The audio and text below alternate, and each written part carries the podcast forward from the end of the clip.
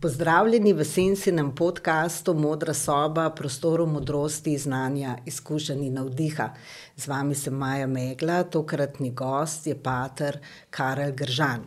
Pogovarjava se bova o marsičemu, predvsem o odtujenosti od sebe in o stiku s sabo, o družbi in človeku, enoumju in kritični distanci, o hipnotiziranem in svobodnem posamezniku o odtujenosti človeka in posledicah te odtujenosti, o stiku s sabo in pristni bližini v odnosih, o informiranosti in duhovnosti, ter zakaj je, če citiram Karla, nespodobno, da drugi mislijo namesto nas.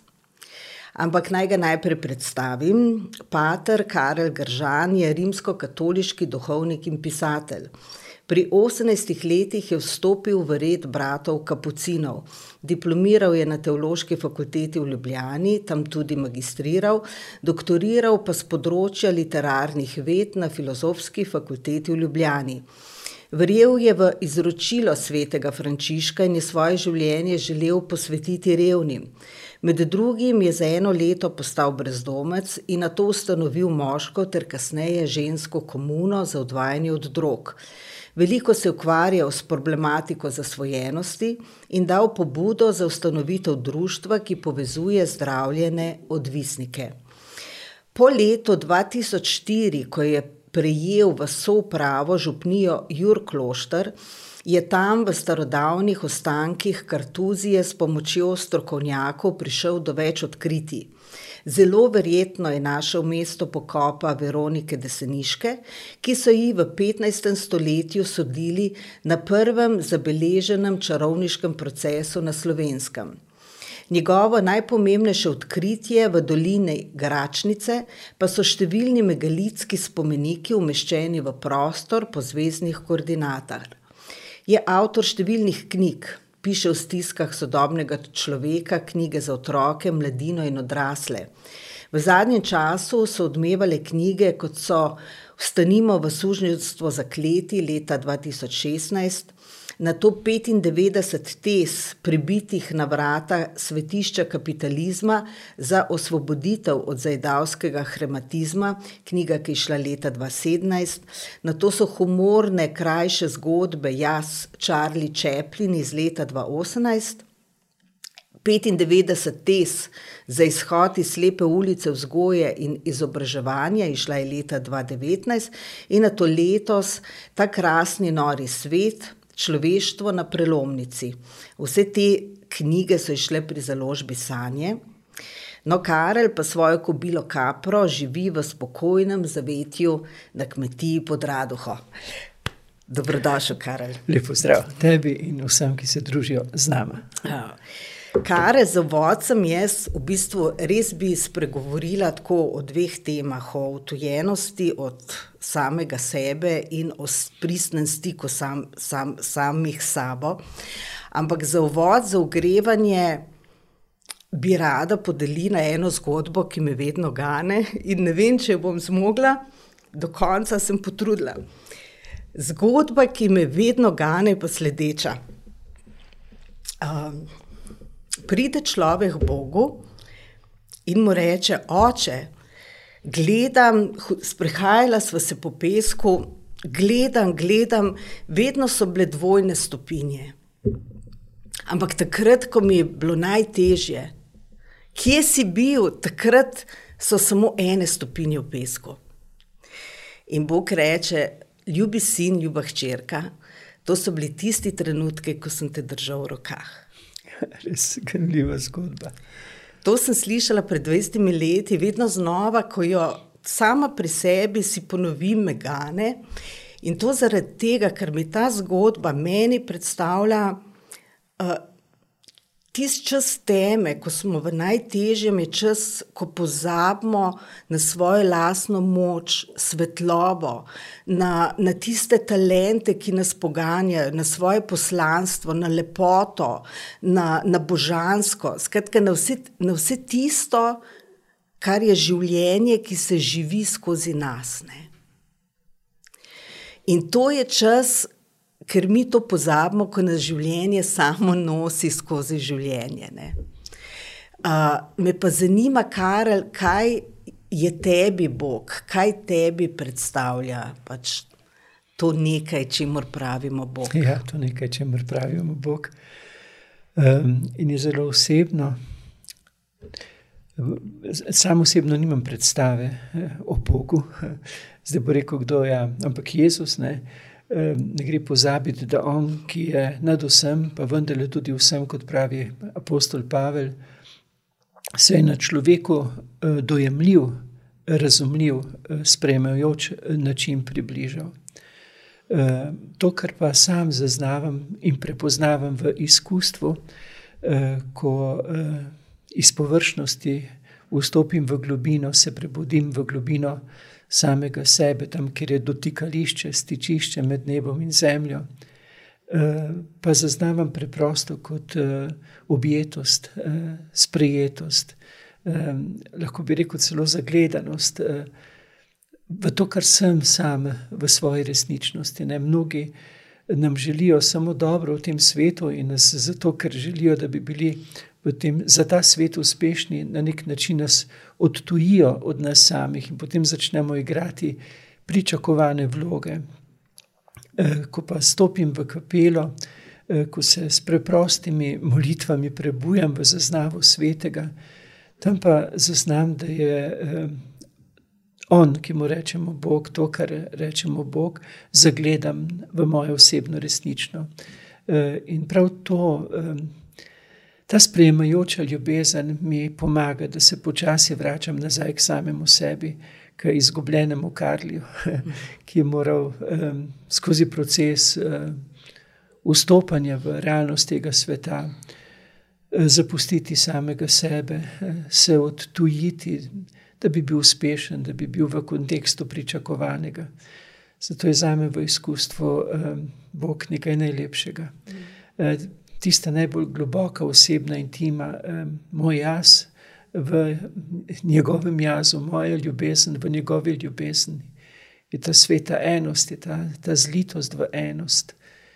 Je, brez tega ne morem. Zato se moj dan začne in moj dan konča v eh, prebujanju, v ta objem, v to, ta občutek globoke sprijetosti ki mi je potem tudi eh, na nek način odprl to, da sem zvedal, da iščem vsakem človeku njegovo osebno resnično, ker mi je potem tako lepo, ker eh, potem nisem tudi ob človeku sam in verjamem, da je tudi on potem eh, ob meni lažje, sam svoj, eh, v svoji osebni resničnosti. In to se mi zdi tako lepo. V odnosu do Boga in v odnosu do vsega, Eh, kar, eh, v čemer eh, on odseva. Hafiz pravi v eni svoji pesmi, da se je Bog odel v raznolike stvari, da se je lahko, da se je lahko igral. ja, in ni odet samo v podobo človeka, ne. je to v podobo vsega, kar nas obdaja, kar utripa v, v življenju. In, in lepo je biti sočuten, zaznaven, igriv v tem odnosu. To je za me približno to, kar rečemo Bog. Zdaj smo nekako, se mi zdi, kar oba neki ganjeni. Ne? Ja, ker... Kaj pa ta ganjenost, ki običajno spremlja, ali pa pogosto spremlja to globok, tisti globi stik s tem, kar ti zdaj opisuješ. Ne? Običajno pride do, pogosto pride do te ganjenosti, uh, ko se odzove celo, celota bitja. Ne? Ja, ker je v bistvu je nekaj podobnega, kot ko, ko takrat, ko prideš domov. Ne? Ko prideš v svoj dom, pa si ganjen. E, ko prideš k samemu sebi, ne? iz odtujenosti, si ganjen, ker prideš domov.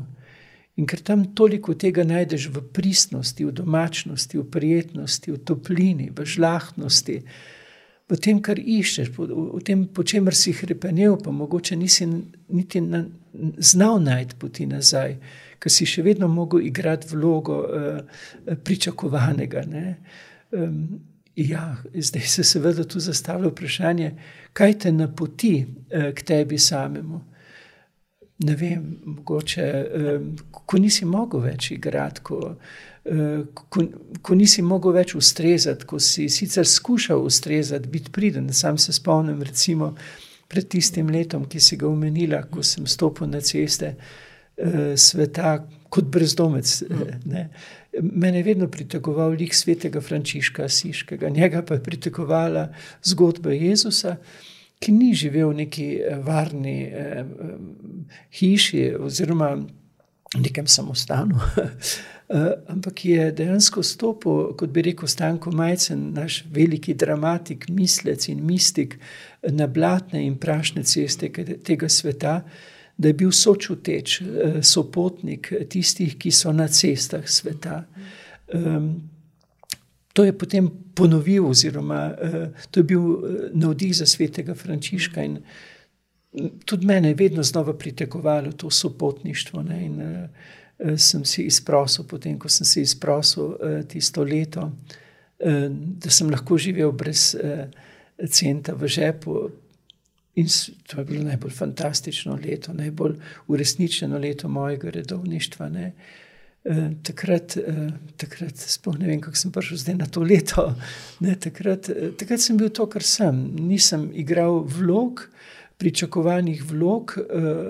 In tudi ljudje, ki so me takrat srečali, so zapustili pričakovane vloge eh, in so bili v pristnosti. In to je bilo tako lepo, rekel, prebujeno bratstvo v sočutenju, v sopotništvu. Ne? Ampak žal nisem imel dovolj vere, zaupanja, in potem je bilo to leto samo. Eh, leto in ne več. No, ali so prišle pa, pač kakšne druge situacije, ki nas preizkušajo. Ampak zdaj, le, eh, ko to pripoveduješ, sem se spomnila ene meni zelo ljube misli od Dalaj Lame, ki sem jo zelo pogosto uh, navajala in uh, ker je tako navdihujoča. Bilo je v, v 80-ih letih, uh, nek, neka nemška revija je opravila intervju z Dalajlamo in na koncu, ga, čist na koncu intervjuja, ga ta novinar vpraša, Dalajlamo, za kjer ga vemo, da se vedno smeji, on je yeah. Ja. ta uteleš, utelešena radost, mm -hmm. res se vedno smeji. Uh, dobrovoljen je, uh, prijazen, ljubezniv, hihotav, razigran. In seveda ga je novinar vprašal, kako je to mogoče, kako je lahko res vedno tak. Jaz sem bila z njim parkrat po cel mesec. On je res vedno tak, kako je to mogoče. In potem mu Dalaj Lama odgovori preprosto, zato ker sem vedno to, kar sem pristan. Ja. Ja. On ne igra, nima vlog, nima mask, pač je to, kar je v pristnosti ja. svojega ja. bitja in to prinese tisto svobodo. Ja. Se spomnim, ne, eh, ko je pripovedoval, ne, eh, ker imajo pač oni imajo obroke določene, ne, mhm. vmes pa nič. Ne, in potem ga je eno vprašal, in, in kaj če pride vmes skušnjava, da bi vzel kakšen kolaček, kaj naredite. In je odgovoril, vzamem ga. torej, pristno, ne, torej iz tiste šablone uh, je, je šel v igrivost, v pristnost. V, ja, to je res nekaj zelo osvobajajočega. Ne. Ko nisi več tu sam sebi in ker je potem uh, ti vse bližnje. Ne, to je v bistvu bilo tudi uh, napotilo že v Delfih, Delfsk, Delfskega svetišča, ne, na Apolonovem templju je pisalo. Eh, človek spoznaj samega sebe. Ne? Ampak ta Apolonov tempelj je na nek način predstavljal zunanjo strukturo človeka. Um, in eh, človek je bil povabljen, da vstopi v notrino, ne samo templja, ampak samega sebe. In ko se prebudiš v notrini lastnega jaza, in ko je človek vstopil v notrino tega templja, ne, je prebral nadaljevanje napisa zunaj človek spoznaj samega sebe, znotraj pa in spoznal bo svet in Boga. Ko nisi več tu samemu sebi, ne? ko si v srčiki lastne biti, je tam dotikališče, je tam svet prostor, kjer se dotikaš eh, vsega, vse moje definicije Boga je moja bit v biti, biti. E, torej, moja bit v biti, pisano z veliko vseh, vsega bivajočega. Ne? Tam se dogaja ta igrivost, ampak mi dejansko se moramo povrniti, nam mora nekdo pomagati, da se povrnemo v, v, srči, v srčiko lastne biti. In, civilizacija, ki se prebuja, verjamem, da bo dala velik mm. poudarek, poudarek prvič, nikogar izgnati od samega sebe, ne? vsakega prepoznati. V čudnosti in zato čudovitosti in čudežnosti njegove osebnosti, in potem tistim, ki pa so na nek način bili že odgnani, pomagati z sprejemajočo ljubeznijo, da se bodo povrnili nazaj k sebi. Ne? Ker tisti, ki želijo manipulirati, kaj najprej naredijo, izženejo nas od nas samih, ker tuji samim sebi zelo lahko igramo vloge, ki nam jih pripišajo ali napišajo ali pa zapovejo tujci. A lahko, Karel, mi to malček bolj razpreš, pa pojasniš. V čem se kaže ta odtujenost od samega sebe v sedanjem času, v sodobni družbi? Mogoče najprej, kako to uh, uspejo narediti. Ne? Star želi otroku samo dobro. In je zato zelo pozoren, ali otrok uh, ustreza normativom uspešnosti tega sveta. In ker mu želi samo dobro, če ne ustreza dejansko, mu starš govori otroku predvsem samo to, kar ni dobro, ker mu želi dobro. Ne? E, in otrok, veste, je zelo intuitiven, zaznaven in otrok vidi, v čem ga starš pričakuje, da bo potrjen kot vreden. Vsak od nas pa želi biti vreden. In to je en zelo, bi rekel, predkan način, um, kako nas oddaljijo iz srčike naše biti v pričakovano vlogo. Ker seveda tisto, kar zmoriš, potem pokažeš, uh, in potem se to začne, potem seveda še. Eh, mnogo, mnogo intenzivneje v procesu izobraževanja. Uh, ja, mi dva imamo tukaj kavico. Ne, če bi imeli tukaj, recimo, zelišča, raznolika zelišča, pa tudi vroča voda, in bi si vsak izmed naju naredil svojo kombinacijo eh, čaja z ne vem, katerimi zelišči. Potem, ko bi poskusila čaj, bi rekla: hm, Moj čaj pa je dober za to in to. Ne? Eh, ti bi rekla, moj čaj je dober pa za to in to. Nihče ne bi rekel, moj, moj čaj pa, pa ni, je, je, je slab. Ne? Eh, to znamo pri čaju, ne znamo pa pri ljudeh. Ne? Ko vstopi nekdo v proces izobraževanja, bi ga morali prepoznati v odličnosti njegove osebnosti. Tako pa ga normiramo, ne samo jabolka, kakšna mora biti, ne sme biti ne prevelika, ne premajhna, da lahko gre v supermarket, ampak tudi nas. Ali ustrezamo normativom, ne, ne prepoznajo nas pa v čudovitosti, osebne izvirnosti uh, in kjer blesti vsak v polni vrednosti njemu danih talentov. Ne? Mi dejansko ocenjujemo predvsem racionalno inteligenco, ne? koliko si zapomniš, eh, ponoviš, koliko ustrezaš tem normam. Ampak Veste, to je samo ena od inteligenc. Ne? Inteligenca je cel kup in ta racionalna niti naj, ni najbolj bistvena za žlahtno sožitje. Ne? Je zelo pomembna socialna, čustvena inteligenca, estetska, duhovna, eh, praktična. Ne? Inteligenca je cel kup. Ne?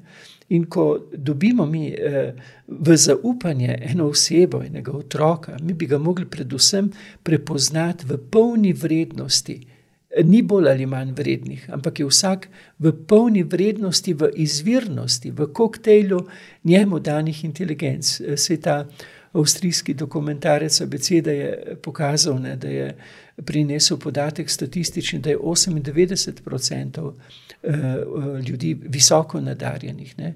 Jaz pravim, da, je, da, da, da je to 100%, kajti nekateri ljudje so rojeni v ta čas in prostor, z izjemnim poslanstvom, da ta čas in prostor srčijo. To so otroci eh, ali pa ljudje, ki imajo izjemno intuitivno, eh, srčno inteligenco. Eh, to se vedno spomnim, na, ko me je poklicala mamica enega od otrok z Downovim sindromom in rekla: Veš, kaj mi je rekel, moj rok. Sem rekel: Kaj je rekel? Rekel, rekel je: Mami, kruh ima pa mehko dušo. Ne? To bi pripisali mogoče neži Maure, to ne to pavčko. Ne, to je rekel otrok, ki je bil vrojen v ta čas in prostor, da bi ta čas in prostor srčil, ne? da bi dvigoval v sožitju z ostalimi eh, socialno, čustveno inteligenco. Mi pa te ljudi odstranimo. E, mi je pripovedovala e, Desa Muk, ki je delala na začetku kot v nekem vrtu, kjer, kjer, kjer, kjer so bili otroci z posebnimi potrebami, taki, ki teh posebnih potreb niso imeli. To je velika past, na katero bom upozoril. In bile so tudi skupine brez posebnih potreb. Ne? In reka, kako visoko, višjo inteligenco, čustveno, socialno so razvili otroci v kombinirani skupini. Ampak kje, kje je zdaj tukaj? Ne?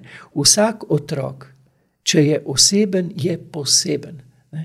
In že to, ko mi rečemo, ta pa je s posebnimi potrebami, smo pokazali, da smo pa končno one pa druge pa uvrstili v industrijsko proizvodnjo, vzgoje in izobraževanje, ker niso več posebni, torej, ampak smo jim zbrisali posebnost in jih bomo lahko na nek splošen način eh, ocenjevali. Ne. Tu je ena silna, silna past, v katero nas ujamejo, ampak zavest se prebuja.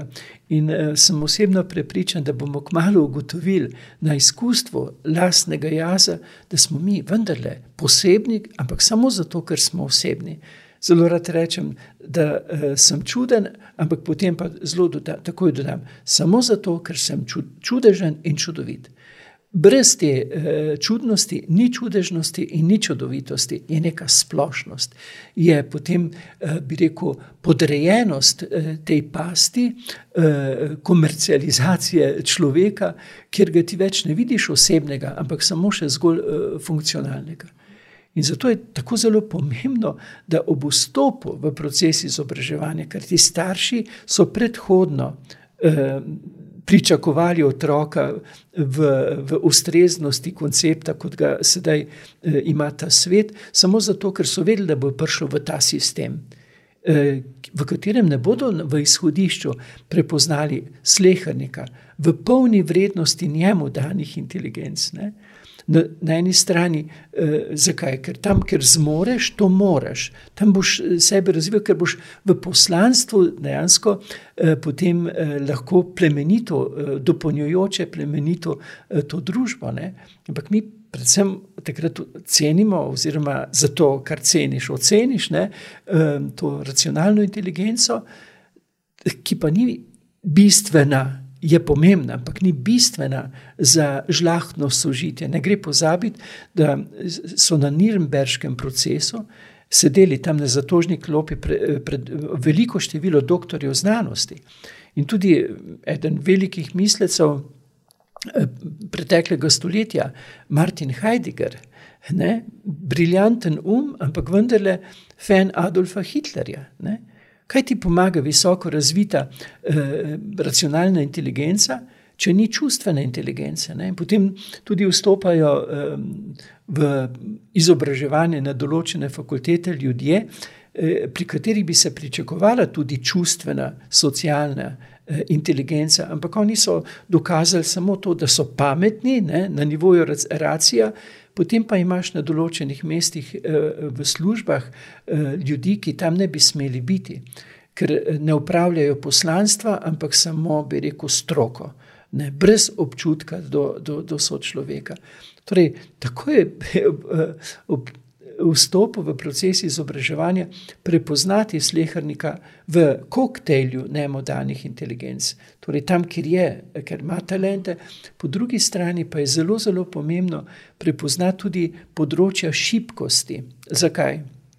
Ker je področje šibkosti vzgojni optimum. Za, za usposabljanje, dopolnjevanja in sodelovanja imamo levo pa desno roko, imamo uh, uspešno in manj uspešno področje svojega življenja. Tam, kjer sem uspešen, bom pomagal, tam, kjer je nekdo uh, manj uspešen, ampak tudi on bo pomagal meni, tam, kjer sem jaz manj uspešen. Torej, uh, iz koncepta izključevanja gremo v koncept dopolnjevanja, predvsem pa bi rekel tega, bi rekel spoštljivega odnosa do polne vrednosti slehrnika v izvirnosti njegove osebnosti. Tu gre torej za ta dopolnjujoči koncept, ne pa izključujoči, ki ga tudi ob stopu v proces izobraževanja eh, vadijo skozi igre, ki so za me pedagoški škandal, recimo igra med dvema ognjema. Bravo, Karel, ker to sem jaz tudi sovražila, ker sem bila v osnovni šoli. Sovražila sem ja. to igro, da moram drugega z žogo stovčiti, ja. da ga moram zadeti, ja, da ga moram onemogočati. Mislim, bilo mi je organsko kot otroku odbojno in tuje. In prišla sem k očetu, ki je profesor ja. telesne vzgoje, se spomnim, sem mu prav rekla, da je to nagražna igra. Mislim, da kdo jo je uvedel, da to bi bilo treba jo odstraniti, ampak mnogim je bila pa všeč, ne pač mojim prijateljicam ne, ali pa sošolkam, sošolcem. Platon bi tu zastrigel z ušesi, ker on je zelo rekel: pazite, kakšne zgodbe pripovedujete otrokom. Igra pa ni samo zgodba, ampak je modeliranje koncepta delovanja kasnejšega.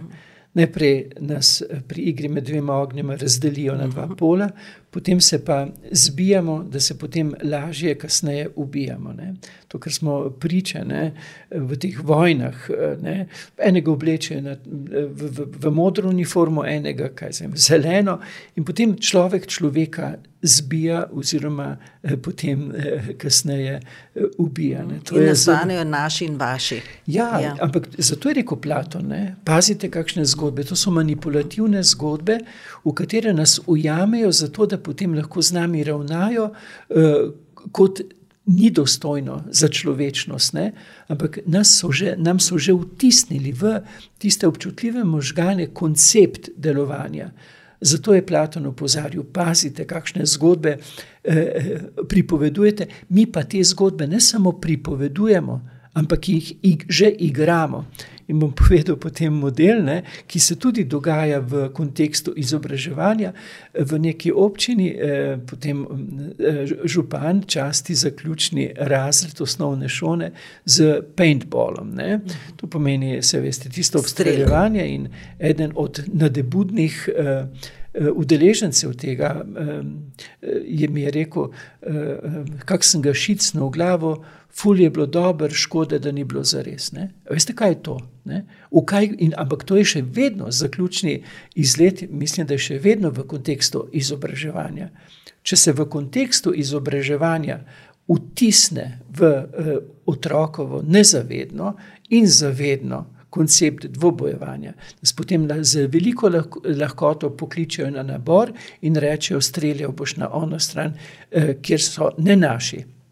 Sej so nas že v prvem razredu osnovne šole usmerili v, v kontekst zbijanja. To je, za me je to pedagoški škandal in sem prepričan, da ga bo zgodovina kot takega tudi prepoznala in označila. In ne bodo mogli verjeti, da se je v nekem času dogajalo to v kontekstu izobraževanja. Platon pravi zelo jasno, potrebno je domisliti igre sodelovanja, dopolnjevanja. To pa ni, to pa ni igra med dvema ognjema, ampak je, vem, je glasba. Platon zelo upozorja na glasbo. Ne? Mi, slovenci, smo rojeni za to, da znamo na nek način sodelovati se in se usklejevati za skupno dobro. To dokazuje naše večglasno petje. Ne? Nas drugi, drugačen glas v osnovi ne moti. Če, razen če nas v to uh, usmerijo, ne? ko nam rečejo, poglej, on je pa drug, ona pa poje sopran, ne tako kot Alkuti, Alt je najlepši, sopran ne bodi ga treba. To ni v kontekstu uh, slovenske uh, mentalitete. Uh, pri nas pojemo štiri glasno, v lučah, odkuder prihajam, poje celo šest glasno. In uh, imamo sposobnost, da več glasje uskladimo v skupno dobro. To pa pomeni v harmonijo, v sožitje. Tudi če greš na vrbo, še zdaj vidimo kamne v krogu, kjer so predstavniki vsi sedli in drug drugega slišali, da so se uharmonizirali, uskladili za, za skupno dobro. To je, to je kontekst. Nas so izgnali iz tega, kar zmoremo, v to, bi rekel, smrtonosno polarizacijo, ne, v kateri drug drugega zbijamo. Ampak tudi zato, ker so nas v to vadili, celo v procesu izobraževanja, in ker smo mi to sprejeli, da pač tako mora biti, ker smo bili pohvaljeni, če smo na koncu zmagali, ker smo vse druge ven zbili. Ne. To, je, to, je, to je tako grozljivo, slaboumno, nedopustno. Eh, Neempatično, neetično. Ne, ja, ja. skrajno ja. skregano z minimalno logiko, eh, ki, ki uh-huh. še hujše je potem recimo. Ko sem bil priča na enem debaterskem tekmovanju, ne, Eh, ki je potekalo eh, na ta način, da so postavili neko trditev, in potem so jih razdelili, vi boste zagovarjali za, vi boste zagovarjali proti, eh, potem bomo pa ocenili, ker je bil bolj uspešen. Ni bilo pomembno, kaj je resnično, ni bilo pomembno medsebojno osvetljevanje, dopolnjevanje, ampak je bilo pomembno slepo zagovarjati za ali proti. Dvo, dvo, retorični dvoboj. Ja, ne? s katerim se vzgajajo šefiči. Mm, mm. Kajti ti ljudje, so, ki grejo na takšne tekmovanja, so miselno prožni, ampak jih ti modeliraš v to, da bo slepo zagovarjal za ali proti. To, kar mu bo naročeno ne, od avtoritete, ne glede potem, ko bo šef, ne glede na to, ali je etično, ali je dopustno, ali je eh, na nek način v kontekstu žlahne človečnosti. To bo šef, ki bo znal slepo zagovarjati in izvrševati uh, ukaze. To je vzgoja beremo živalsko farmo od Orvela. To je kontekst te vzgoje. No, no, to je naslednja tema, ki sem jo hotela tudi s tabo odpreti, ta uniformiranost. Pogleda na neke procese v sodobni družbi, uniformiranost v tem smislu, so zopet ljudje razdeljeni na dve skupini. Ena gleda na ta način, druga gleda na drug način in se poistovetijo z gledanjem določene skupine. Yeah. Ja. In ta pomankanje Saj jaz ga tako doživljam kritične distance intelektualcev do procesov, ki se v družbi danes dogajajo. Kritična distanca pomeni samo to, da človek ne stopi za eno brezpogojno čisto resnico, ki jo ponuja potem naprej, čisto resnico, absolutno, kot ja. absolutno resnico. Zakaj, kako je do, do tega prišlo uh, na take množične načine, zakaj? Ljuba mi je tvoja. Zelo pogosto poveš um, primer uh, Tomaža Kvinskega, ja. ne, tam je zelo ljuba, no pa bom tebi prepustila, da jo ti ja. uh, v besedi. Ja, zopet smo pri procesu oblikovanja. Vzgoja in izobraževanje ima usodni pomen in je uh, dejansko prevelika skušnjava za manipulante, da ne bi vstopili v ta proces. Ja, pri nas je zdaj tako, če, če hočeš iti k Birmi, Eh, ti pač postavijo pred tebe avtoriteto enega patra eh, in eh, dobiš vprašanje in odgovore, in potem narediš izpit. Se ni vedno tako, ampak marsikje pa je tako. In če pravilno odgovoriš, torej samo odgovoriš, kar ti avtoriteta naroči, bo šel k birmi. V šoli pa je podoben sistem. Pred tebe postavijo avtoriteto in ona ti pove resnico, ti to ponoviš in petko dobiš. Ne? Uh, bi rekli, vse, ja, kako pa naj drugače. Ja, recimo, omenila si Tomaža Kvinskega, srednji vek, ne, tako imenovani mračni srednji vek. Uh, če je bil takrat mrak, kaj je potem sedaj? Kajti v tistem mraku je bilo mnogo bolj svetlo. Ne? Kako je potekal proces izobraževanja, oziroma kako beremo, recimo, če bereš originalu. Tomaša Kvinskega, ne če, ne če bere zdaj, kaj pišejo drugi v njem, ker zdaj boš prebral. Tomaša Kvinski je rekel, torej je to res. Eh. Tomaša Kvinski ni tako napisal. Ko piše Tomaša Kvinski o določeni vsebini, najprej napiše: Zdi se, napove, o čem bo razpravljal, in potem v dveh, treh stavkih napiše smer, eh, v katero želi razmišljati. Takoj pod to zdi se, ne resnica, ampak zdi se, teza je pa napiše, proti temu pa govorijo sledeča dejstva in pošteno navede tiste, ki pa razmišljajo drugače, ki so razmišljali v drugo smer. In potem na podlagi tega, zdi se, in proti temu uh, uh, govorijo sledeča dejstva, osvetljuje smer svojega razmisleka. In srednjeveški uh, pouk je potekal tako, uh, učitelj je študentom podal teze, torej v, v kontekstu takšnega razmišljanja. Govorili bomo o tem, ampak nekateri pa pravijo, da drugače. In potem je on razvijal misel, in na koncu ure je vedno sledila disputacija. Kaj pa disputacija?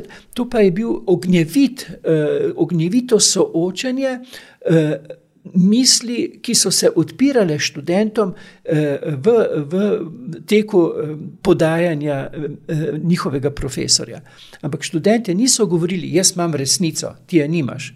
Ampak dejansko so govorili o osebni spoznavni resničnosti. Ena od manipulacij, v kateri so nas pa zapeljali, pa je, da nam rečejo, resnica je, to je ideologija.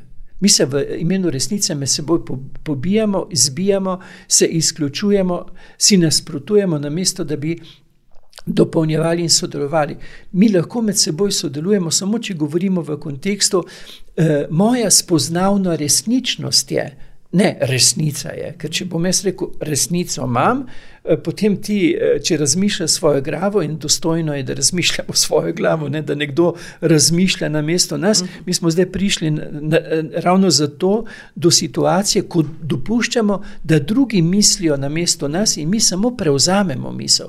Razumete, v kakšno dejansko banalizacijo osebnega razmisleka smo prišli, ni ga več. Ne? Zakaj? To je kontekst manipulacije. Veste, tako kot žabo kuhajo počasi, tako so tudi nas postopoma oddaljevali ne? z vabljivimi, to pa je resnica. Ne, to je moja spoznavna osebna resničnost. Tu je kontekst pogovarjanja za sodelovanje, osvetljevanje. Um, torej, moja spoznavna resničnost in potem me zanima, kakšna pa je tvoja. Ker želim na tvoji spoznavni resničnosti profitirati, da bom lažje mislil naprej.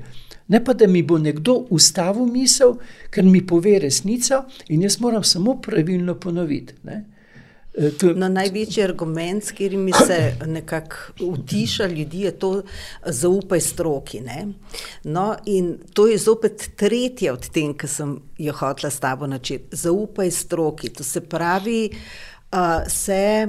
Uh, ti temu praviš, da se uh, re, religiozno ne. Um, predstavlja v vse vsebine našega pač delovanja, tudi tja, kjer to uh, ne sodi, v imenu vere, verjami nečemu, ja. nekomu stroki. Ko so videli eh, ti, ki, ki imajo pač interes človeštva, ne, ker eh, je iluzorno misliti, da, da tisti, ki upravljajo, ki so gospodarji, nimajo računice s človeštvom. Ne. Eh, ko so, eh, ko so ti ugotovili, da pač ljudje več ne zaupajo religioznim predstavnikom, ki imajo določen koncept. Ti moraš verjeti, če ne verjameš, ne, potem vera, ne, če ne veruješ v, v dogme, dejansko si, eh, nisi naš, si, heretik. Ne. So prenesli religiozne koncepte v, na področje znanosti. Ne. In v zadnjem obdobju smo bili priče, da, da, da ni bilo dopuščeno. Uh, Znanstven dvom ni bil več dopuščen. In takrat sem eh, celo zelo resno razmišljal, da bi se odpovedal nazivu doktor, eh, doktorja znanosti, ker znanosti ni brez znanstvenega dvoma. Res je, da sem zagovarjal doktorat, ki je napisan, ki je izdan, ampak ko danes berem, dejansko mislim že naprej, danes bi napisal že naprej. Zakaj? Ker se o marsičem preoprašujem. In se moram, znanstven dvom mora biti, mora biti soočanje pestrosti misli, da lahko mislimo naprej. Zdaj pa kar naenkrat uh, so tu doktrine, so tu dogme, treba je slepo delovati po doktrini, po dogmi, ki jo pač nekdo določi, ne pa uporabljati dejansko misel, uh, uh, horizont pestrega razmišljanja. To pa ni dopuščeno, to je že zelo namerno, to je postane kar na nek način nestrokovno, neznanstveno. Torej, ti moraš slepo razmišljati. Ampak viš, to, do tega smo prišli na ta način izobraževanja in te limanice bo, potreb, teh limanice bo potrebno osvoboditi. Sam pravim takole. Zelo pomembno je ozaveščati manipulativne prijeme, s katerimi so nas ukovali v manipulacijo. Jih ozavestiti in se iz njih osvobajati, tudi z ironijo. Potem pa je treba ne se ukvarjati z nekim obsojanjem nekoga, ampak že, konci, eh, že kreirati alternativo. To pomeni že razmišljati uh, koncept bivanja osvoboje, v osvobojenosti od teh dejansko manipulativnih pr problemov. Misel mora iti naprej, kreacija mora iti naprej, ker misel ima Eh, silno moč. Tudi zato želijo, da se mi ukvarjamo. Joj, poglej, kaj so nam naredili, kako so oni grdi. Pa gledamo v te okove. Ne, to okove moš gledati samo to, da se jih osvobodiš, še najboljše, da jih ironiziraš, potem pa že gledaš naprej. Ker misel kreira, misel ima silno moč. Pravijo, trije miselno prebujeni prebudijo kvantni premik zavesti. Zato oni, ki želijo nas ohranjati v suženstvu, ujete, ne želijo, želijo da, da, da joj pogled, on je grd, tisti je grd. In potem beremo samo ta, te škandalozne eh, novice, namesto da bi mislili naprej. Mi moramo misliti naprej. Sam obdobje, v katerem smo zelo rad primerjam. Uh, tistemu poročanju, kako so, kako Mojze spelje ljudstvo skozi Rdeče morje, ne, iz ene države v drugo državo. Eh, in eh, ne, če si zdaj predstavljamo, na obeh, na levi in desni, so bile visoke stene voda, zadaj faraonova vojska. Ampak kaj so morali ljudje gledati? Če bi gledali, veste, Eh, tiste uh, vodne stene bi jih strah zalil, tudi če jih ne bi voda. Ne, če se spomnimo še ene svetopisanske zgodbe, um, Lot izpelje svojo družino iz Sodome in Gomore. In kaj je bilo naročeno? Ne se ozirati nazaj. Lotova žena tega ne uh, upošteva, se ozre nazaj in okameni. Strah nas okameni. Kaj mora ljudstvo gledati? Ljudstvo mora gledati naprej, fokusirati uh, novo deželo, tam, eh, kamor jih je vodila pot. Tudi mi moramo misliti prebojeno človečnost. Zato nas strašijo z leve in desne, in, ne, ampak mi moramo gledati prebojeno človečnost z ironijo. Ne, opazovati res smešne koncepte manipulacije, nekaj smo jih omenili, ne, se jih osvoboditi, že kreirati. Ampak ste zavese preboje, jaz sem veliki optimist. Tudi, ja, absolutno. Pred začetkom, pred začetkom um, šolskega leta, tam koncem avgusta, eh, so me povabili ehm, eh, na, v telovadnico prve osnovne šole, kjer je bilo zbrano, eh, rekli so, tisoč učiteljev srednjih osnovnih šol in pa vzgojiteljev vrca. Ob meni sta bil en pedagog in ena Eh, pravnica in še mene so povabili in sem govoril prav v, teh, v tej smeri. To pomeni, še pred časom je to bilo nepredstavljivo. Zdaj pa pomeni, da so me povabili, da so poslušali, eh, to pomeni, da se zavest odpira, zavest se odpira in mi moramo kreirati prebojeno človečnost, mi moramo ironizirati dejansko smešne koncepte, ki so pa res. Da sem se spomnil na atensko šolo. Atenska šola je Ne? Mi mislimo, da ja, tam pa je bilo še le, če je bil srednji vek mračen, potem atenska šola je gotovo pa bila v čisti temi, kje pa. Ne? Kaj je bilo pomembno v atenski šoli? Učitelj je podal učencem samo temeljna spoznanja, ne? orodje za razmislek. Potem pa se je sprehajal z njimi po stebrniku, ne? zdaj pravijo, ne, da je gibanje, eh, eh, neurostrokovnjaki, da je gibanje eh, sprošča procese razmisleka. Eh, takrat tega niso vedeli iz eh, teorije, ampak so vedeli iz prakse. Zato se je sprehajal učitelj po stebrniku. Zakaj po stebrniku? Zato, ker so stebri predstavljali temeljna spoznanja. Ampak arhitektura se je eh, vrednotila po horizontu med stebri, In učitelj se je vrednotil po zastavljanju pravih vprašanj. Ampak ta vprašanja, Bog ne da, da bi bila takšna, da bi učenec ponovil, kar mu je on povedal. Prava vprašanja so bila tista, ki so na podlagi posredovanih veden pomagala učencu misliti naprej. To je bila veličina učitelja. Ne? Zato je Sokrat eh, pač bil obsojen na smrt, ker je bil specialist v tem, da je pomagal misliti naprej. Ne? Mi mislimo, pomembni so, pomembni so pravi odgovori. Ne, pomembna so prava vprašanja, ki nam dajo misliti naprej. Kajti naša civilizacija je dejansko zašla v slepo ulico in zdaj bo potrebno pomagati misliti naprej.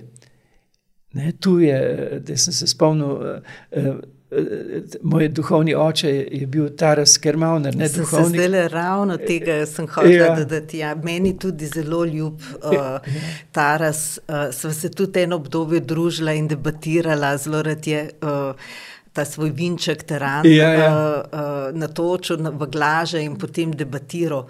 No, to zgodbo, ki si jo tudi parkrat v različnih prilikah omenil, kako se je hodval na tebe, ko Ja. si se enkrat z njim strinjal in on je bil zelo goreč, strasten Ja, ja, človek ja. ne, in se je razburil, kaj bom s tabo počel, če ne misliš s svojo glavo. Ne. To je veličina To je, učitelja. ne. Pomagati misliti za svojo glavo, ne ponavljati. Ne? Vse to imamo, te informacije imamo, vse temeljne informacije je potrebno podati. Ampak pomembno je zastavljati vprašanja, ki pomagajo misliti naprej. Eh, posamezniku ne? in veličina učitelja je ravno v tem. In sem prepričan, da bo v prihodnosti eh, poslanstvo učitelja v usposobljenosti zastavljanja pravih vprašanj. Eh, Človi, eh, nekomu, ki ima svojo pot, eh, svojo smer. Sej, ko je tam v atenski šoli učitelj zastavljal vprašanje, on je prepoznal poslanstvo posameznega otroka in je vedel tudi, s čim ga mora opremiti, ker je videl, v čem razmišlja. Če pa mi poslušamo samo to, kako nam nekdo ponavi, pon, pravilno ponovi, se ga ne prepoznamo. A te lahko recimo vprašam za en, en primer, zdaj le se mi porodil, kako bi ti usmeril, kako bi ti usmeril uh, nekoga v tem konkretni zgodbi, ki jo bom zdaj podelila. Ker imaš tudi zelo velik čudo živalic in do tega, na kakšen način so v klavnicah uh, pač Grozljivo. uh, imaš tudi čudo tega. No? Ko sem bila uh, še otrok, odraščajoča pubertetnica, sem postala vegetarijanka. Ne? V času 80-ih v mesojedem okolju, ko pač uh, nič nismo vedeli o vegetarijanstvu, niti ni bilo literature. Enostavno nehala sem jesti meso, zato ker sem vsa s prijateljico, vsak večer, ko smo se vračali, sva na Bavarskem dvoru zrli v neke, uh, uh, to so bile taki steklenjaki, v katerih so bile informacije, takrat nismo imeli reklam v 80-ih. To se to je bilo zelo malo je bilo tega. In tam je bilo, imelo društvo proti mučenju živali. Uh, ta steklenjak, ta box, v katerega so dajali fotografije iz teh farm, kjer pač vzgajajo prašiče. In, kra- in to so bile grozljive fotografije vsak dan, in po enem letu smo mi dve postali vegetarijanke. No, ampak bistvo zgodbe je ta do danes. Nikoli, nikdar mi ni noben mesojedec, saj ne v moji bližini, v družini, z partnerji, prijatelji, nikoli, nikdar mi noben ni niti ne sprašval, niti ne. Um, A veste, tisto, pač, zakaj pa to počneš, ali pa tako, da bi bil kritičen ali karkoli, nikoli nisem nič tazga doživela. Ampak tudi jaz nisem njim, uh, ki so je, jedli meso, uh, karkoli pritiskala za slabo vestjo ali pa sploh s kakšnimi vprašanji. Nekako v sožitju smo živeli. Ampak vmes na tej poti tega sožitja je pa kar nekaj tudi postalo vegetarijancev. To je moja izkušnja. Ampak zdaj pa opazujem, predvsem na teh dru družbenih omrežjih, cel kup iz mlade generacije, ki postajajo vegani in zelo militantno, agresivno za moje pojme, usiljivo do drugih ljudi, pač zagovarjajo to veganstvo in to skrb za živali, in to povzroči, seveda, od ljudi nekako še večje zavračanje. Ne. Se pravi, imamo primer res nečesa, kar je problem, vsa ta živinoreja. Imamo potem vmes res nekatere, ki hočejo dobro, ampak to počnejo pač. Saj po mojem etičnih standardih na neprimerne načine, ker usiljujejo nekomu, morda bo tisti drugi to sposoben čez eno leto, čez en mesec, čez pet let, ampak ni na meni, da mu usiljujem, kdaj naj on osveščeno to sprejme ali pa ne sprejme. Recimo, to je nek tak konkreten primer.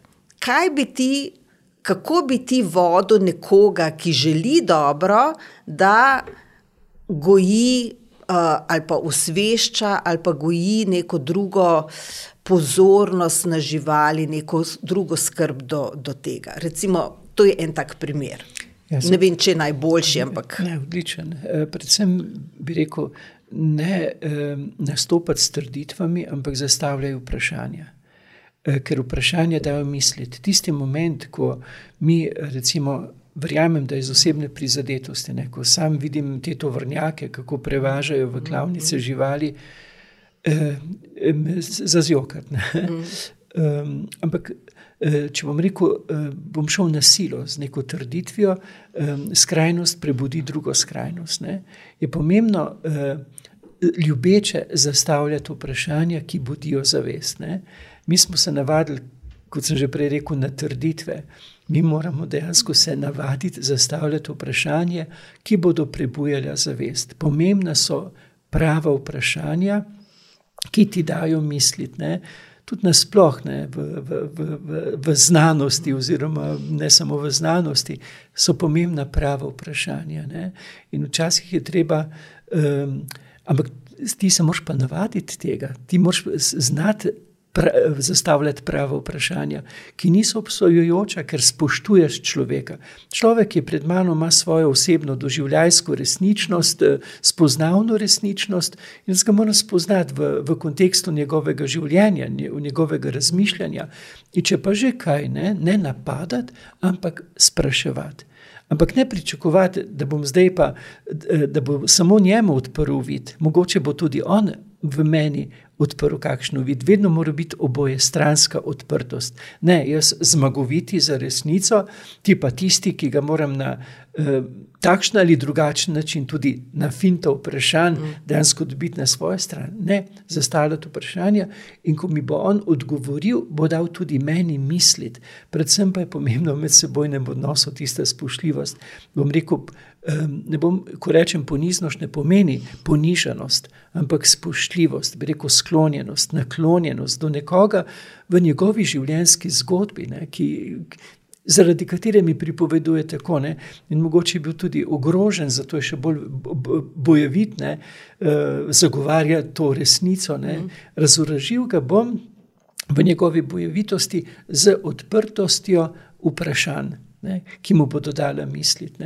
Veste, to, ta manipulacija je zelo huda z uh, ideologijo resnice, ne, ker nas so kar navadili, da imam jaz res. Da imam jaz resnico, prav, prav, ja. jaz imam prav, ja. ampak seveda eh, to, kar je eh, resnica, pisano z veliko, te se, te se približujemo, ko drug drugemu osvetljujemo svoje resničnosti in smo ponižni v tistem žlahnem pomenu, kar pomeni spoštljivi, odprti, poslušajoči, skušati v, v, v želji biti razumevajoči, ne? da, da razumeš drugega v njegovi zgodbi življenja. Ta agresija, jaz imam prav, ti si pa tu, ne? tudi ko gre v odnosu do živali. Um, joj, je, ampak je, je pa to res problem. Ne?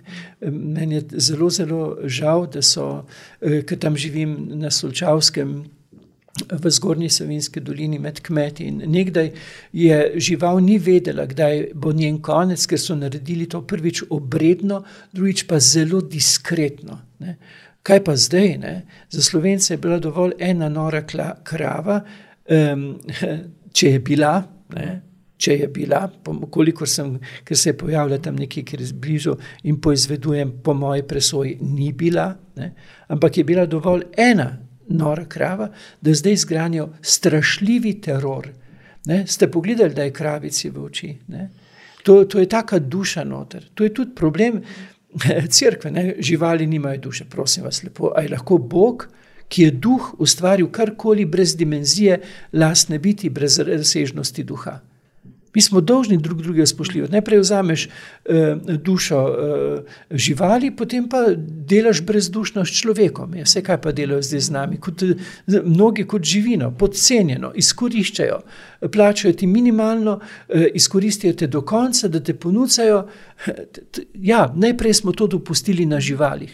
Ko smo to legalizirali pri živalih, kako da nimajo duše, sedaj so v odnosu do nas, kako da smo brezdušna bitja in zato toliko ljudi pregorevajo, padajo v duševne stiske, ker je odnos do njih brezdušen.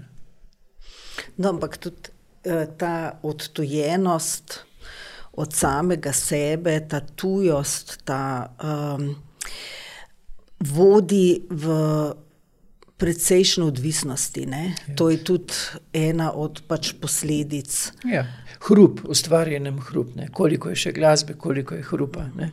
Sam se večkrat tukaj, ko poslušam, eh, recimo, če imam odprt radio, rečem, no, sedaj mi predvajajo hrup, oh, hvala Bogu, zdaj bo pa tudi nekaj glasbe. Ampak večino je hrupa. Ne?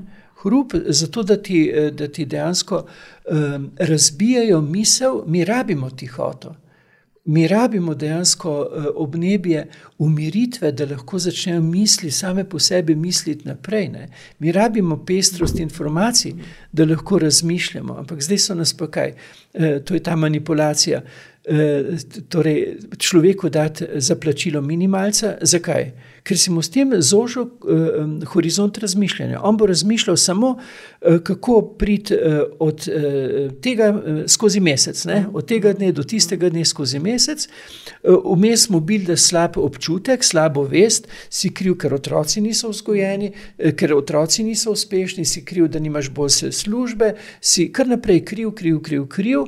In tako preizčrpan, preižet človek, ko pride domov, kaj naredi da da glavo izključi, vključi televizijo in eh, lahko so nadaljevanke oziroma ti resničnosti šovi čim bolj bedasti, da lahko norost tega sveta, norost, ki jo gleda preko ekranu, dejansko prekrije, da, da realno norost zdrži.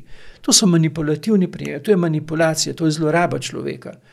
V človeku vse denar nima eh, v zadju eh, fiktivne vrednosti, nima dobene podlage bi lahko da komod 200-300 evrov več, ampak ne, ker je koncept manipulacije minimalec, da zožimo eh, razmislek, slab občutek, strah. To so, to, so, to so urodja manipulantov, ne? ampak se vedno bolj prepoznavajo. Zakaj? Ker se zavest prebuja. Tudi budisti pravijo, da vstopamo iz obdobja zadremanosti v, stanje, v, v obdobje budnosti. In dejansko opažam to pri vedno večjem številu ljudi. Ampak kaj opozarjam zopet? Samo prepoznajte prijeme manipulacij, ironizirajte manipulante. Veste, tisti, ki manipulirajo, financirajo celo znanstvene konference, kjer obravnavajo probleme, ki so jih oni povzročili. Oni imajo nič proti znanstvenim razpravam, celo jih organizirajo v eksotičnih krajih, v, v luksuznih hotelih, to vse plačajo. Ne prenesejo pa, da ozavestimo to in ironiziramo. Ker ironizacija je koncept osvobajanja. Zakaj so imeli nekdaj prebojeni vladari dvorne norčke, jih spremljamo od faraonov pa do 18. stoletja. Kaj je bilo poslanstvo dvornega nočka? Se ni bilo poslanstvo dvornega nočka eh, biti zabavljač eh, kralju oziroma vladarju. Ne. Dvorni noček je bil visoko ocenjena služba, to je bil, kot bi mi danes rekli, supervizor. To je bila oseba, ki je bila izbrana, ker je bila miselno izjemno pronicljiva, ne? ker je bila etično nesporna in ker je bila obdarjena z uh, umetnostjo ironizacije, ki jo osvobaja. In kaj je bilo poslanstvo dvornega nočka? Če je videl, da želi vladar narediti neko potezo, ki bi bila nedopustna, kaj je naredil? Šel je k vladarju eh, in mu je najprej izrazil poklon. O, vladar, ti, ki si znan po tem in tem, in mu je mal podpihal tisto dobro, podpihal je žrjavico dobrega, in potem je pa ironiziral, a si predstavljaš, da bi. In ker je preosvetljiv žlahtnost, je tisto, kar ne bi bilo za žlahtno človečnost, bilo v tolikšnem kontrastu osvetljeno z ironijo, da se je kralj nasmehnil in v nasmehu izničil noro potezo. Če pa je kdo od uh, uh, svetovalcev, rečemo ministrov, hotel vladarju, kralju podtakniti nekaj nedopustnega, Dvorni norček, se je izslikan, izvemo, ampak ne, smo pa pozabili poslanstvo, je bil vedno ob eh, vladarju. Ne? ne za, kot sem rekel, za zabavo. Ampak če je videl, da bi nekdo hotel podtakniti v uzakonitev nekaj, kar je nedopustno, se je takoj javil dvorni noček besedi in takoj je imel on besedo, ker je bil supervizor. In potem je kaj naredil, najprej dal poklon, pripravil je teren. Ne?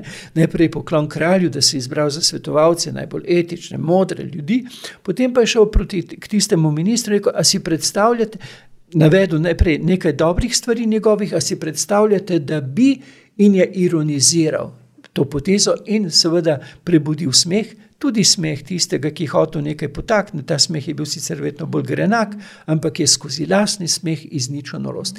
Mi pa danes nimamo dvornih norčkov, nimamo te službe, ki bi ustavljala norost mi je pravil to ne partlič, da ko je bil še poslanec, da je predlagal, da bi ustanovil ministrstvo za smeh, pa je rekel, pa me je srečo, da no še kva me to potrpljal, pa je rekel, no, kaj je ti eh, minister za, za smeh, niso razumeli. Ne? Mi jemljemo nore stvari resno in to je nespodobno. Norost je imati resno, norost je treba ironizirati. In mi toliko tega norega jemljemo resno, zato je ta krasni svet tako zelo nor. Lahko. Ampak zdaj je čas, da ker se zavest prebuja, ne, ne se id uh, razpravljati resnice, nimate resnico, mi imamo resnico. Ne, zastavljate vprašanja, ki sama se, po, po sebi uh, dajo misliti, prebujajo misel. Ne? Ker če nekdo reče, to je res, potem spodbujamo dvoboj. In to oni hočejo, deli in vladaj. Tisti, ki vladajo, hočejo, da mi se točemo med seboj v imenu resnice. Ne, zastavljajmo vprašanja to opreme eh, manipulativne pa ironizirajmo. Glejmo manipulatorjem v oči in ironizirajmo.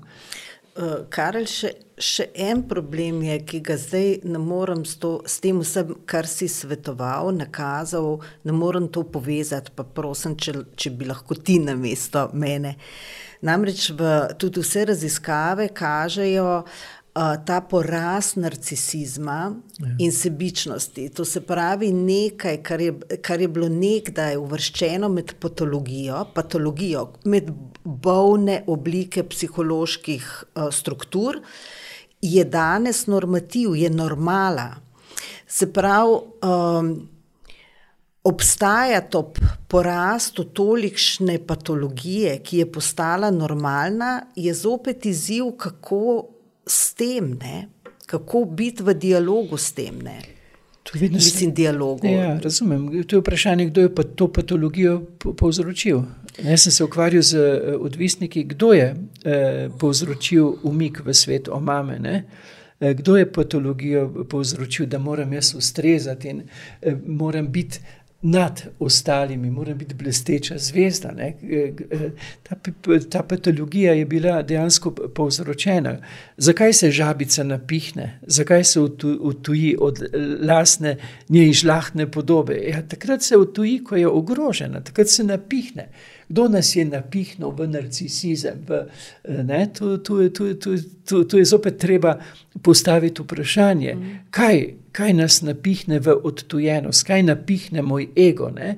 Ja, Kdaj sem se napihnil, kdaj sem bil ogrožen, kdaj sem stopil v igro pričakovanj, eh, kdo mi je nastavljal pa podstavljal neke vzorce lepega, idealnega, samozavestnega, ne? kdo skozi, skozi na, na kakšne načine. Ne? Če pogledate recimo programe televizijske, ki so namenjene mladostnikom, ne? se tam same napihnjen, se same nimaš eh, realnih kičaste barve, to, to, to, je, to je vse. Ne? In nekdo, ki hoče biti prepoznat kot vredni, pa je pa mu mozoljast, pa, pa, pa, pa normalen, ne, ne ustreza tistim normam. Ne. Jaz se spomnim mojega očeta, ko mi je eh, zrastel prvi najstniški mozolj, pa sem mislil, kako bom zdaj to nikak, pa ne. Kaj je naredil moj oče? Prišel k meni, pa me je lopnil po, uh, po, po rami in rekel: E, Karli, Bravo, normalen si. Torej, je, postavil, je postavil normo v normalnost. Ne? Zdaj pa ni več norma v normalnosti in smo mi uspeli odtujiti v narcisizem. Ne?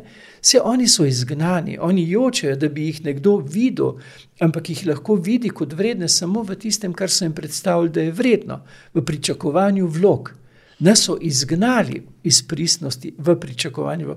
Zdaj pa je zopet vprašanje, kako to povrniti. Moj koncept izobraževanja je 3-1-1, samo tri dni. Za uh, temeljne informacije, eno za veščino logike, ne? mi smo pravili v hipnotično enoumje.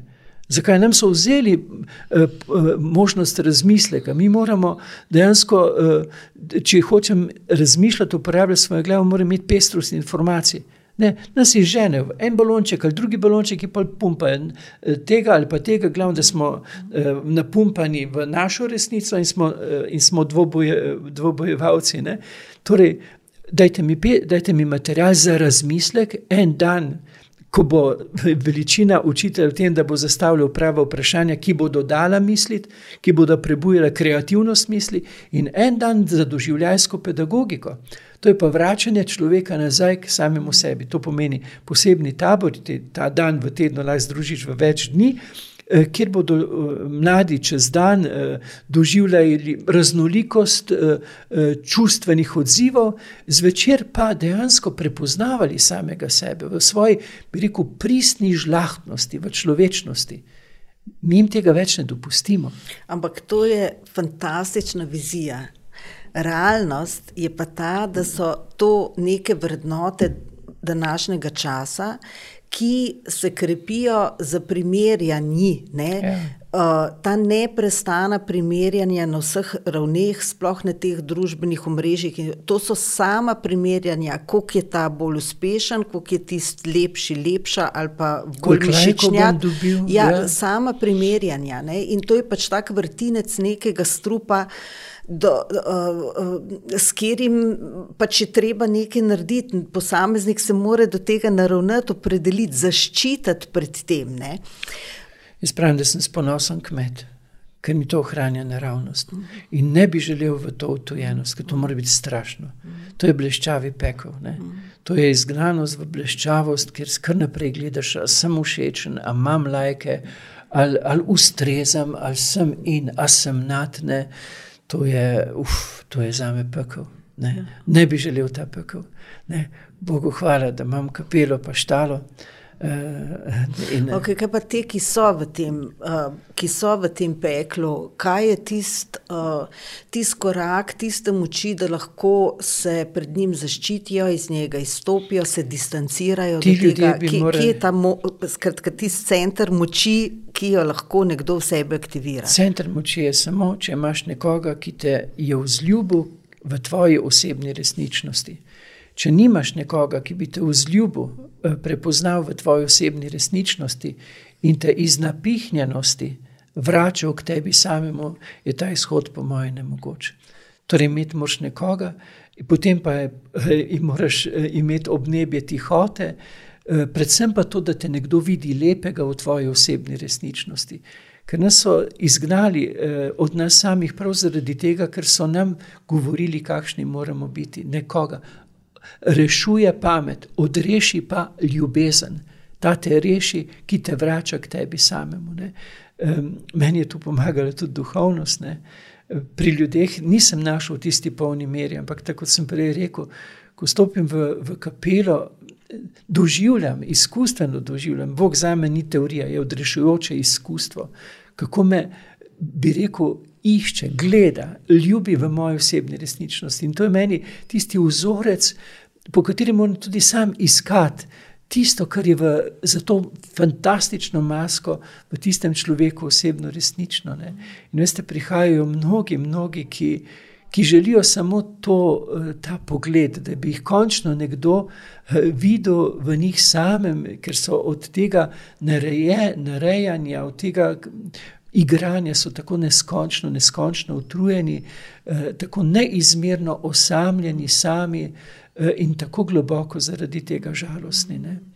A misliš, morda zdaj se mi je tako trnilo, Karel, ker si tudi prej nekako uh, pojasnjeval, kako borba proti nečemu, ne, verjetno tisto drugo samo ojača, ni, uh, uh, uh, prestavi v neka dvobojevanja in tako. In kako je pomembno te neke usporedne nove prakse, nove resničnosti. To je ne? odlično, to je to, to je nove prakse. Ja. Recimo, da, da, da bi. Ja, sam sem, nimam več toliko energije, ampak da bi recimo, ali pa mogoče na, na, na konjskem vrhu, ne, eh, med poletjem, eh, recimo, eh, kot ena mesec, recimo, koncept tega, da se začne, ja, nek tip. Hvala, ker si mi dala misliti.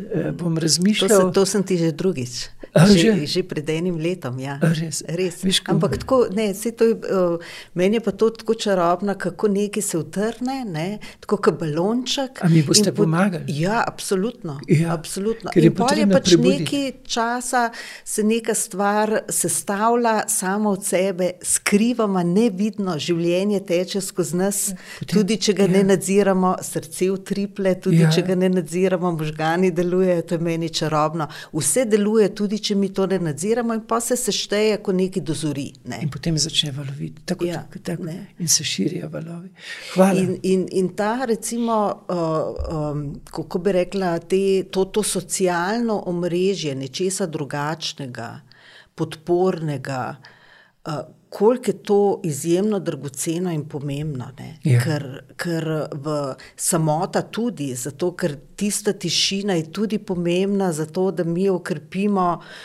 Um, Sploh ne vem, kje besede ne uporabljam, no, pač ta stik s sabo, z, uh, z globino, bivansko globino sebe. Ne.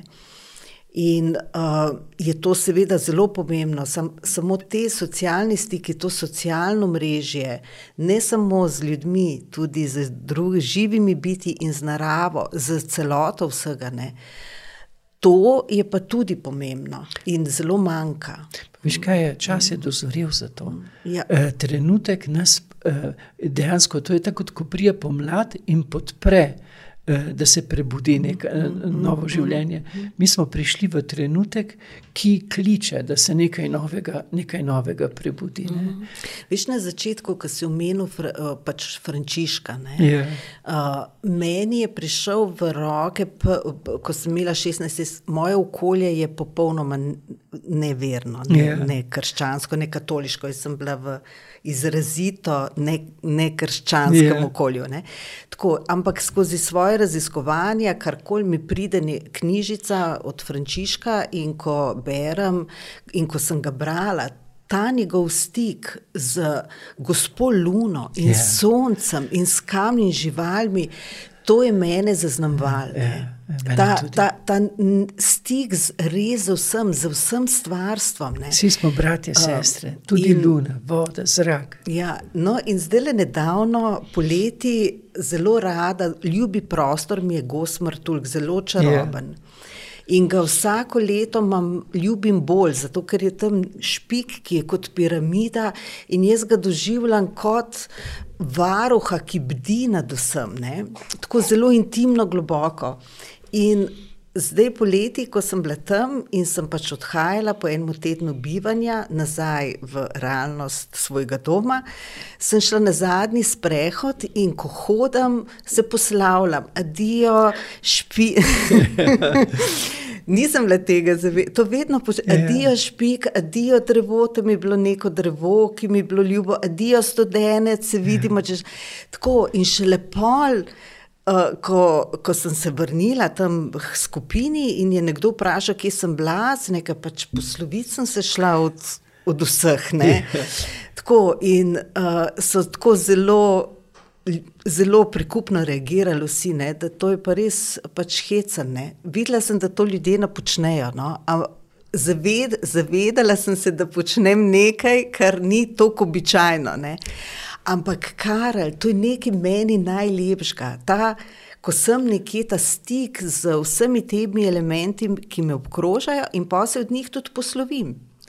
Po treh letih bivanja ne. na konjskem vrhu, ko sem se nekega večera vrnil domov, sem dozorel v zaznavo in sem zaznal, da so vsa tista drevesa, posebej stara drevesa. Ne v odnosu do mene, da imajo do mene osebni odnos. Ne? In um, je to tako neskončno lepo. Ne? Najti brate, sestre v drevesih, kot si rekla, v reki, v gori, v kamnu. Ne? Tam uh, ti si bila že pri meni doma in veš, uh, tam je veliko kamnov, ampak vsak tisti kamen, vsak megalit uh, je zgodba, ima poseben odnos. Je, uh, je tam na začetku tisti piramidalni kamen, ki dejansko preveri. Ne? Uh, neverjetno. Ne? Uh, Vsi sem rekel, da je lahko on, ki je nad vsem, eh, apostol Pavel je napisal, tudi v vsem. Eh, je igriv, je v odnosu. Vsi krščanstvo ima sveto trojico, ampak ne samo krščanstvo, to so tudi nekrščanske. Mm. Religije imajo o, o, o, o, Boga v, v odnosu igrivosti, v trojstvu. Bog je, Bog je igriv in se res eh, želi biti v odnosnosti med vsem, kar nas obdaja, igriv. In to je tisto najdenje svobode. V tem zelo lepo piše Indijanci, aborižini, uh, govorijo o tem. Um, ja, in mi uh, verjamem, da se bomo iz izgnanstva vrnili k temu, kaj ti zaves se prebuja. Je pa zelo res to, kar si rekla, treba je ljudje, ki, ki so k temu poklicani, omogočiti, da to vzvalovi. Torej, ne samo sanjati, ampak tudi tudi udejaniti, ker ti ideja je danes zato, da jo udejaniš.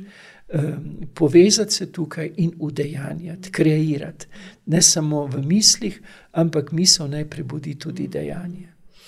Ali lahko, kar se vem, da je to zelo težko, ampak če je mogoče, da saj odbereva par zelo bolj konkretnih nasvetov za ljudi, ne? kako si saj na začetku v nekih korakih pomagati. Recimo, vprašanje tebi, kako si ohranil tako brezkompromisen stik s sabo, da si v okolju svoje družine, recimo, ki pač. Uh, uh, ni bilo tako verno, kot so neka druga okolja, kljub temu si se odločil za duhovniški poklic in te je na koncu družina to tudi sprejela. Mm. Ampak to je bila kar, kar mo. Potrebna neka moč notranja za nek ta korak. In potem si bil v tem nekem institucionalnem okolju cerkve, in tudi se nisi ravno podredil vsem kako bi rekla, pogledom in dogmam, ki jih pač neka uradna ja, institucija. institucija zagovarja, nudi.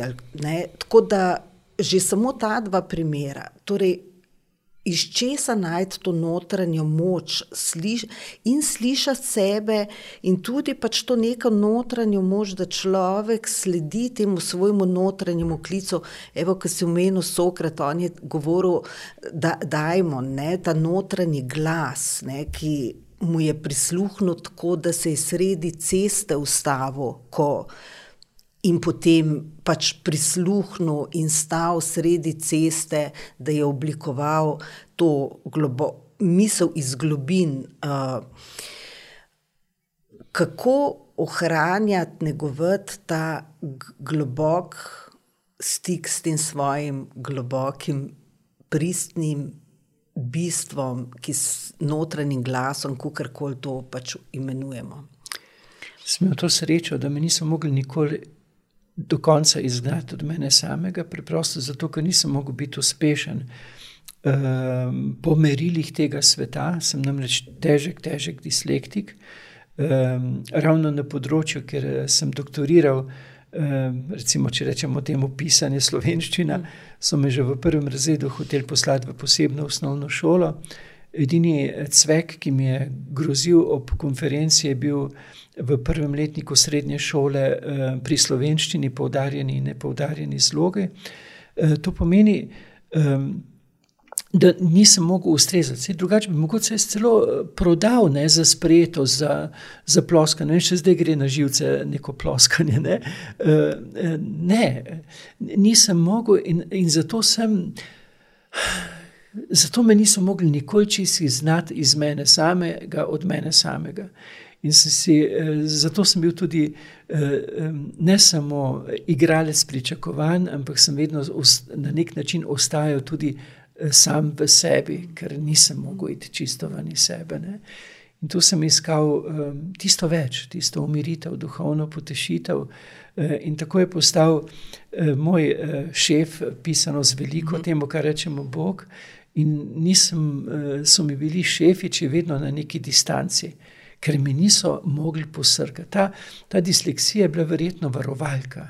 Um, Obenem pa mi je omogočila največje uvide, ker nisem mogel mi, uh, misliti utirjeno. Sam pravim, da so geniji ljudje z napako, ker ne moreš um, misliti uh, reku, po, uh, po, po pravilnem postopku, ampak ti do, do, do dobrega rezultata iščeš, tavaš, iščeš in ko, ko iščeš, so tu številna odkritja. Ne?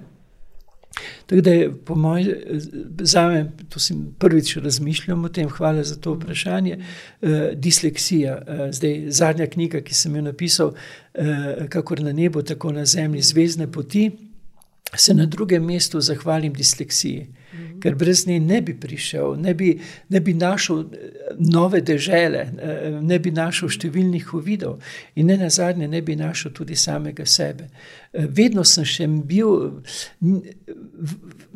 niso me mogli izgnati čisti iz mene samega, ker niso me mogli, ker nisem zmogel ustrezati pričakovanjem, v katere bi mogel popolnoma vstopiti in sebe dejansko eh, zapustiti. Zato bil, de, sem bil še vedno nekje uh, upet v, v, v lastni jaz, in ko si pa v notrini lastnega jaza, tam je pa stičišče med nebom in zemljo, tam si že ena definicija moja biti v biti biti, je pa tudi moj jaz v jazu jazov. Ne? Eh, to pomeni, tam sem bil še vedno upet v tisti božanski del eh, eh, samega sebe. Ne? In verjetno mi je to pomagalo. Da, da, da, ja, so imeli pa zaradi tega institucije z mano vedno težave, ne?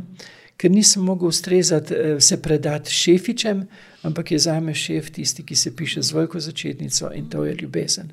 Ali ni to čarobno, Karel, kako je nekaj, kar je bilo lahko za nas, recimo v otroštvu, v odraščanju, največje breme, ja. kamen ali pa neka peklinska izkušnja, preizkušnja, travma, rana, nekaj hudega, lahko potem, zato ker smo mogli s tem preživeti cel obramb, ja. uh, obrant, razviti zaščito uh, sebe samega, uh, marsikaj ne. Eh, nas je pritisnilo, da smo razvili, in je to potem, kasneje, skozi življenje, postala naša največja moč, raznal tiste moči. Ali pa ne vem, recimo, uh, uh, razprl nas je v empatijo, v, v, ja. v to sočutje. Ja. Uh, že to je ne, neizmerno bogatstvo. Zaradi nečesa hudega, kar se nam je pač dogodilo skozi odraščanje. Ne? Yeah. Ja. Tako da tisto, kar, kar je, deluje kot nek nekaj hudega, minus se je potem skozi življenje izkazal kot ne samo kot plus, ampak kot uh, vir naše moči. Tudi ne bi nikoli recimo, napisal te, eh, teh 95 te za izhod iz slepe ulice, vzgoje in izobraževanja. Če ne bi doživel, uh, kako je v slehrniku, tudi takrat v meni, potreba, uh, da me vidijo vrednega. Ne? Vsak starš želi slišati, da ima zlatega otroka. In vsak otrok želi videti strani oseb zaupanja in ljubezni, da, pol, da ima polno vrednost, da je, da, da je zlata vreden. Ne? In če jaz ne bi doživel tega, recimo, ko so poklicali mamo v, v, v šolo, pa ker sem pisal črke na vse možne in nemožne načine. Ne? Ker nisem videl razlike, jaz nisem videl razlike eh, pri črki N, ali je tako prav ali tako. Zdaj le ta hip, še zdaj le ne vem, čeprav sem eh, doktoriral na slovenistiki, ne znam, nimam zdaj le točno v glavi, ker je tudi malo utrujena, le se že upravičujem. Veš, to je tudi koncept. Ne? Ne, se še vedno moramo pričevati. Ne, kaj pa, ne, tako je tako, vse vseeno. Ja, ampak Nise, če se človek upraviči yeah. za enega čuta do drugega, je meni to lepo. Če yeah. se pa upravičuje za to, da svojo masko pa uh, neko lepo podobo sem, sebe ohranja, to pa ni pol. To pa ni, pač ja. Vedno je namen tak, ki od, yeah. ki od teh. Ampak sem videl, recimo, se spomnim, recimo, kako lepo natančno sem prepisoval črko ne, v prvem razredu, ker sem hotel biti pohvaljen pohvaljen, kot, prepoznan kot vreden od strani mm -hmm. moje učiteljice. Um, ampak še, še zdaj se spomnim, ko je prišla k mojemu uh, sošolcu, ki je sedel ob mene, ga je pohvalila. Ne. Pa je pa prišla do mene in rekla, kaj pa je to, in je približno polovico nejo prečrtala. Ne. Jaz nisem videl razlike, ne. nisem videl. In veste, kakšen, kakšen, kakšen dahal je to? To je dahal, dobesedno ko ne vidiš razlike, je pa pol prečrtano, ti vidiš vse isto. Um, in potem pokličejo starše. In, uh, potem starš te gleda, ki ti želi vse dobro, te gleda nesrečno, je res moj otrok tak. Se ne reče butast. Ampak ti vidiš, da nisi, vidiš, da nisi. Vsak otrok pa mora videti, da je v njemu danih talentih. Zato sem rekel, prepoznajte slehrnika, to, kar zdaj, kako zdaj ocenjuje šole v prihodnosti se bodo držali za glavo in bodo rekli, da je bilo to mogoče. Kako je bilo to nazadovanje, atenska šola, srednja vrška šola, potem to, da je to mogoče. Ne? Ne? Z rdečo eh, ne more biti napisana, se je lahko napiše samo petica. Vse ostale ocene ne smejo biti pisane z rdečo. Je to težko razumeti. Ne, ni težko, če ti veš, da se tam nekdo za nekaj trudil, pa ni zmogel na tistem področju, ker pač na tistem področju ne samo, da nima talenta, mogoče ima talent, pa je genij, pa ne more misliti po utečeni poti in bo zato odkril. Ne, če lahko povem primer mojega prenečaka v tem času COVID zapor. Ne vem, kjer razred se učijo odštevanje, se učijo odštevanje stotic. Ne? In je, pač ga je zanimalo, v šoli se še niso učili, in je na svoj način, čisto na svoj način, pogruntal odštevanje stotic. Sam nisem vedel, kako je prišel do tega rezultata, in pa sem poslal to um, prijatelju uh, Rudiju Mogetu, profesorju matematike in znanstveniku Andreju Deteli, uh, in sta mi odpisali genialno. Fant, dečko je odkril te, sam tri matematične axiome. Ne? In potem nečakinja pošlje, pač boj, da je tudi tako le prav, ampak odgovor je bil, naj ne dela svojo glavo, ga bo, ga bo, ker ga bo že učiteljica naučila, kako je pravilno. Ne? Mm-hmm. Utirjeno. Ne? Mm-hmm. Uniformirano. Ja. Uniformirano. Ampak čas se prebuja. Mi bomo odložili uniforme. Najbolj se bojte uniformiranih ljudi, ker ti padeš hipnotično v tisto uniformo. Ne? Razumeš? Ampak in, uniformiranost v konceptu, v mislih, v ja, pač pogledu sam, na svet. Tako, ampak naj, tudi na vzven nas uniformirajo, da se lahko mi med sabo pobijamo. Ne? Ker več bi pa videl človek človeka. Ne? Tako pa gledaš uniformo. Ne? On ima tako čelado, on ima pa drugačno čelado, ali pa nima čelade. Ne? Veš kaj, kar se mi zdaj tako nekako porodil, ko si govoril, ko si z, rokam, z rokami kazal, ne pač te uh, manipulativne prijeme. Ne? A ni eden uh, najbolj močnih vzvodov, tam, kjer smo mi najbolj ranljivi, je ta želja po ljubljenosti ja. in želja po vrednosti, to, da sem ljubljen in vreden.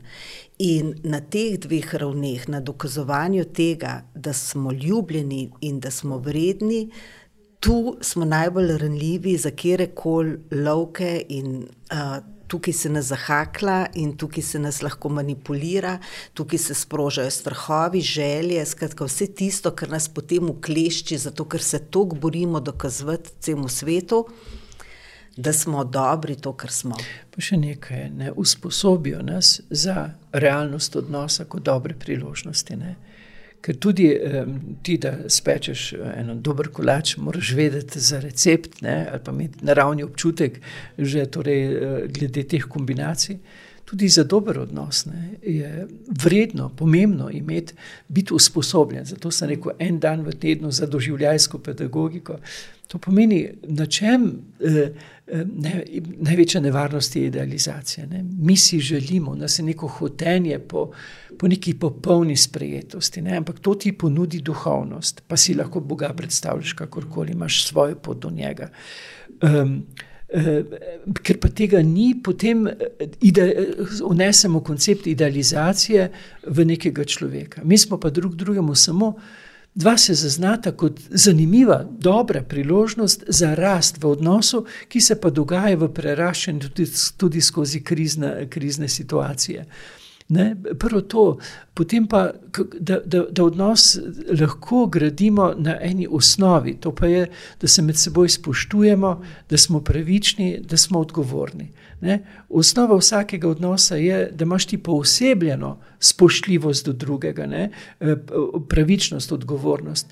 Potem pa še določene sestavine, ki, ki, ki ti pomagajo. Recimo, tisto, ko sem prej govoril o dvornih norčkih, ne? najprej je pohvalil, da ne gremo e, skozi e, koncept te negativne pedagogike, ne? ker nam so kar naprej govorili, kaj še ni, kaj še ni, kaj še ni. Ne? Če mi imamo potem ta privzgojen občutek, kaj še ni v odnosu, in govorimo samo to, kaj še ni, odnos ubijamo. E, meni je rekla Gabi Čečinovič v Grinčič, je rekla: pet ena je razmerje. Ko si enemu povedal, da to je, to je, hvala ti za to, tu si čudovit, a bi lahko mogoče to. Ti imaš potem moč, da ti isto, recimo, premik narediš. Če pa si, ker želim samo dobro, ti govorim samo to, kar ni dobro, pa ubijamo odnos. Ne? Ampak mi moramo vaditi. Meni so mladi v komuni rekli, da bi rabo vsaj tri leta komune, da bi se navadil videti to, kar je, ne samo videti, ampak poosebljeno biti hvaležen, da bom se lažje soočil s tistim, kar ni pri meni in pri bližnjih, in v situacijah sveta. Ampak jaz to vadim zdaj že deset let, pa mi še vedno ne gre. Ne, če bi pa vadil to od otroštva, bi pa mogoče lažje bilo. Ne. Recimo, to, potem, da, da, da opazimo, koliko krasnega je okrog nas. Pravijo, da je za zadovoljstvo v življenju pomembno na, na dan ozavestiti vsaj 12 stvari, zakaj sem pa lahko hvaležen situaciji. situaciji. Potem, da se ne pogovarjamo več v imenu resnice, ne, eh, v medsebojnih odnosih. Jaz imam prav, ti nimaš, in pol se deremo drug na drugega, na fronti se streljajo, tu se pa, tu se pa deremo. Zakaj se deremo? Ker želim biti slišan ker je v meni muka, ker hočem biti slišan. Ampak ne morem biti slišan, če govorim, res je, to je tvoja osebna spoznavna resnica. Mi moramo znati govoriti od resnic, moramo priti, uh, priti v govorenje osebna spoznavna resničnost, osebna doživljajska resničnost. Ne tak si, ampak tako sem te doživel. Uh, ampak to so urodje, ki bi jih nam morali kot veščino pomagati posebej v otroštvu, nam pa jih ne. In ne, in ne kritizirati osebe, temveč nekega dejanja, Tako neko je. dejanje, ki ga je nekdo storil, neke naravnanosti, ne pa njega kot osebe. In tudi vedno se vprašati, kaj je v ozadju, da je to storil. Ne? Eh, skušati uvideti njegovo zgodbo, to je pa odnos ljubezni, da, ga, da mu pomagaš z pristopom, ki se ga naučiš izpeljati ker vsako dejanje je pokazatelj mene samega. Ne, tudi ko naredim uh, oslarijo, je zato, ker, ker sem nevešč, ker, ker nisem še moder, ker uh, um, ko, ne, ko drugega ranim. Zakaj z drugega ranim? Kdaj drugemu težim? Ko me nekaj teži. Spravim temu doživljajsko prenašanje sporočil zelo pomembno v medosebnih odnosih. Ker recimo, ko recimo primer, neka trgovka, ki mora tisočim ljudem reči prijazno dober dan, ker je to pač privablja v trgovino, eh, poveča dobiček. Ona, ona je še vedno na minimalcu, ampak ona bi morala za ta prijazni tisočkrat izrečeni dober dan dobiti povišico in to krepko, ker je ona da iz sebe, iz čustvenega arzenala, eh, eh, da tisto energijo prijaznosti. Kako naj zdaj ta trgovka, ko pride domov, reče doma prijazno: Dobr dan. Ona je bila zlorabljena, čustveno zlorabljena, ampak uh, uh, nekdo, ki, ki ga zlorabi, dobi, recimo, ta najstarejša obrt, dobi vse plačano. Ona ne dobi to plačano. Ona je tu zlorabljena, ona sploh ne ni ozavestila, da je tu zlorabljena. In ko pride doma, ona ne more reči prijazno: Dobr dan, ker je cona njene zlorabljenosti. Ne? Kaj bo ona naredila?